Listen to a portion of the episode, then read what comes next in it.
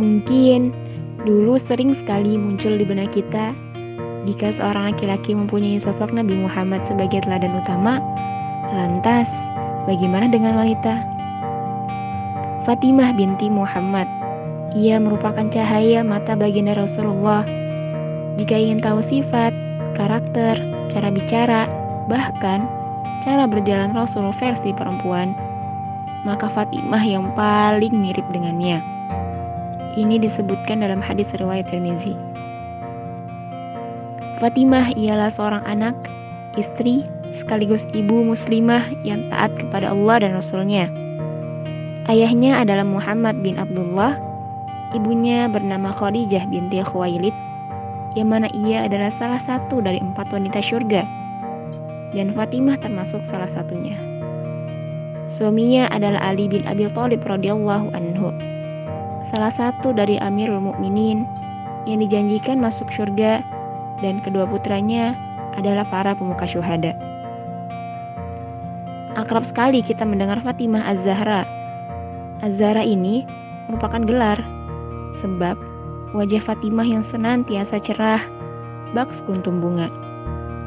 Berbagai ujian hidup telah dialaminya dengan wajah yang ceria. Tegar dan bersahaja yang senantiasa membaluti perangainya.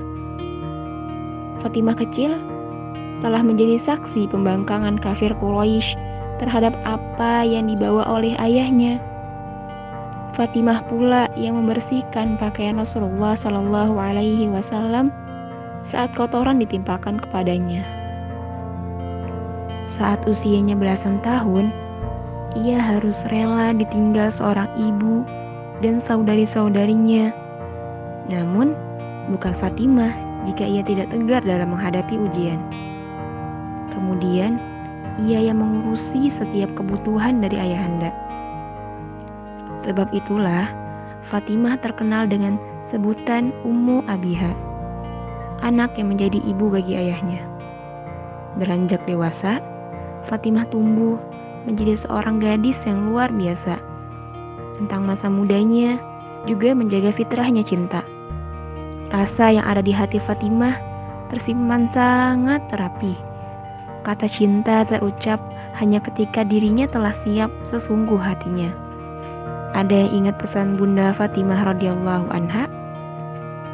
Yaitu, wanita solihah itu tidak suka memandang dan dipandang. Di bibirnya tidak tersebut nama laki-laki dan di bibir laki-laki tidak tersebut namanya. Yang pada akhirnya Ali bin Abi Thalib menjadi penyempurna separuh agamanya. Fatimah menikah dengan Ali bin Abi Thalib setelah lamaran Abu Bakar dan Umar ditolak oleh sang ayah.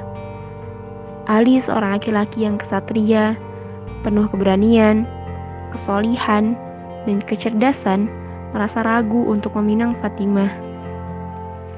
Nyatanya, Nabi menerima langsung lamaran tersebut.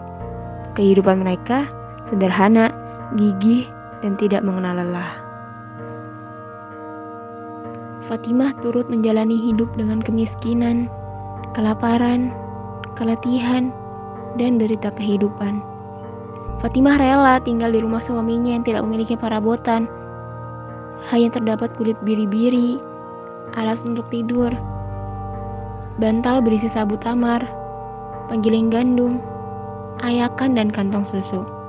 Letak rumahnya pun jauh dari rumah Rasulullah. Fatimah mengasuh anak-anaknya dan melaksanakan urusan rumah tangga secara mandiri, seperti mengambil air di sumur, menggiling biji-biji gandum, lalu mengayaknya untuk membuat adonan roti. Pernah suatu ketika, Fatimah meminta khodimah atau pembantu kepada ayahnya. Namun, bagaimana jawaban Rasulullah? Beliau mendatangi putrinya dan berkata dengan perasaan haru. Maukah kalian kuberitahu sesuatu yang lebih baik dari yang kamu minta? Bila hendak tidur, maka bertakbirlah 33 kali. Bertasbihlah 33 kali dan bertahmidlah 33 kali. Semuanya itu lebih baik dari seorang pembantu. Jelas Rasulullah. Sejak saat itu, Fatimah mengamalkan zikir hingga akhir hayat. Tak pernah lagi Fatimah meminta pembantu pernah lagi Fatimah mengeluh atas keletihan yang menderanya. Penolakan Rasulullah atas putrinya adalah bentuk kasih sayang seorang ayah yang menginginkan anaknya menempati derajat mulia di sisi Allah Subhanahu wa taala. Sementara Fatimah ialah muslimah yang taat kepada Allah dan Rasulnya. Asalkan Allah ridho, bergeraklah Fatimah meski bersusah payah sekalipun. Begitulah kisah keteladanan dari Fatimah binti Muhammad. Semoga kita semua bisa meneladani sifat-sifat dari Sayyidah Fatimah. Meneladani jejak-jejak penuh hikmah, simak kisah keteladanan dari wanita-wanita hebat hanya di Jejak Atirah.